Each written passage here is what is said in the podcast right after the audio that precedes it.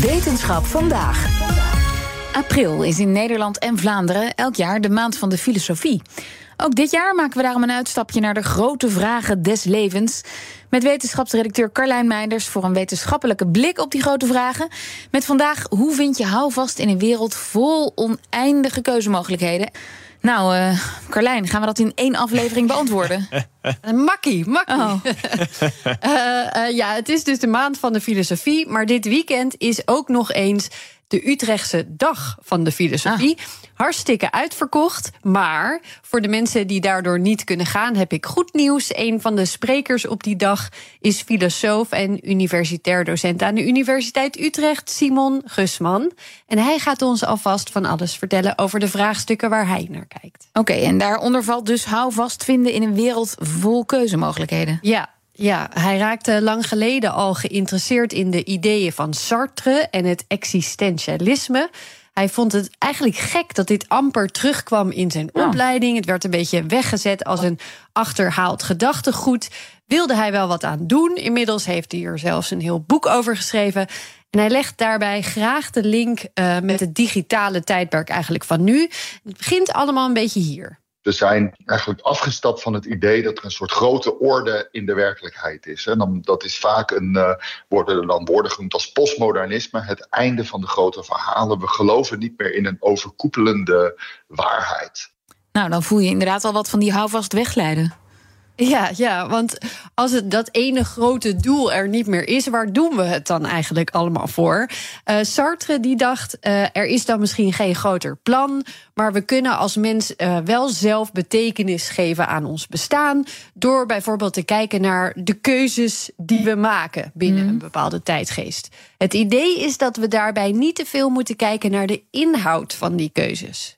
Het fundamentele idee is gewoon, ja, jouw keuzes bepalen jouw identiteit altijd in iedere situatie. Want je bent volgens uh, deze filosoof in ieder geval, je bent vrijheid. Je hebt het niet, je bent het. Je bent die onbepaalde. Je bent dat kiezen. Er is niks wat jij bent los van de keuzes die je maakt.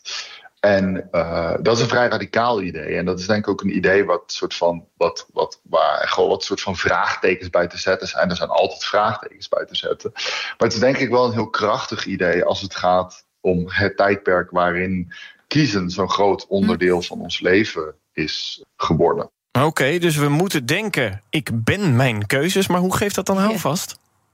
Nou, het verlegt de focus eigenlijk uh, weg van de inhoud van de keuzes, weg van de honderd tandpasta-merken waaruit je in de supermarkt kunt kiezen en hoe we worden gestuurd in welke daarvan we moeten kiezen.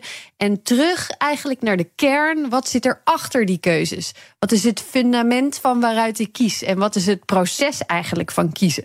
Want er zit best een gevaar in het jezelf verliezen in alles wat er mogelijk is en de vrijblijvendheid daarvan. Waar ik dan dus soms wel bang voor ben, is dat de beweging alleen maar wordt van. We hebben te weinig houvast, nou willen we meer houvast hebben. Inhoudelijk houvast. Dus eh, wat voor ideeën dan ook die ons vertellen hoe we ons leven inhoudelijk moeten leiden. Wat we moeten kiezen en niet hoe we moeten kiezen. En, en wat voor inhoudelijke houvast bedoelt hij dan? Eigenlijk kan dat van alles zijn. Dat kan zeg maar, op allerlei manieren. Dat kan zeg maar, in een rechtspolitiek verhaal over moeten terug naar de jaren 50 of de Gouden Eeuw. Het kan in een linkspolitiek verhaal over moeten terug naar de natuur. Uh, het kan in de populariteit van astrologie, van allerlei gedateerde psychologische typetjes waar mensen op uh, teruggrijpen. Zolang het maar iets is wat ze dan kaders biedt. Ja, alsof we een soort van wanhopig proberen ergens structuur te vinden. Ja, ja, eigenlijk wel. Maar daarmee gaan we niet vooruit. Er is een reden natuurlijk waarom we oude ideeën los hebben gelaten en nieuwe vrijheden hebben verkregen. En als de wereld straks nog meer keuzes heeft en nog onoverzichtelijker wordt, dan kun je maar beter alvast leren hoe maak ik voor mezelf goede keuzes in plaats van welke tandpasta kies ik vandaag. Mm.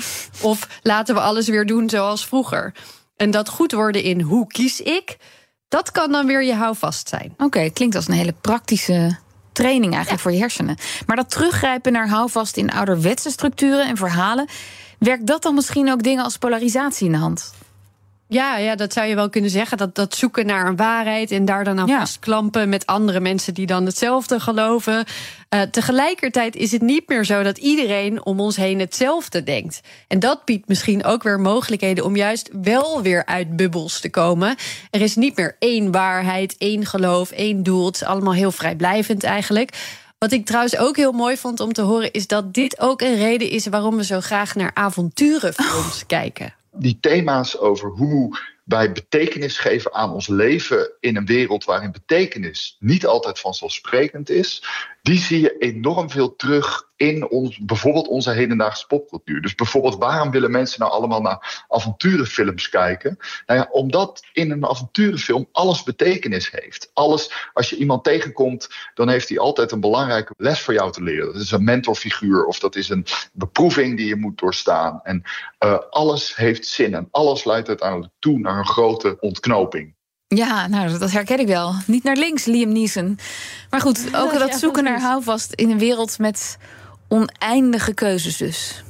Ja, ook dat is zoeken inderdaad uh, wat we aan het doen zijn. Dus het kijken van avonturenfilms. Ja, het is een wereld die ongelooflijk veel vrijheid geeft. En ontzettend moeilijk voor ons mensen is tegelijk. Maar ook wel weer ontzettend interessant. Dankjewel, Carlijn Meinders.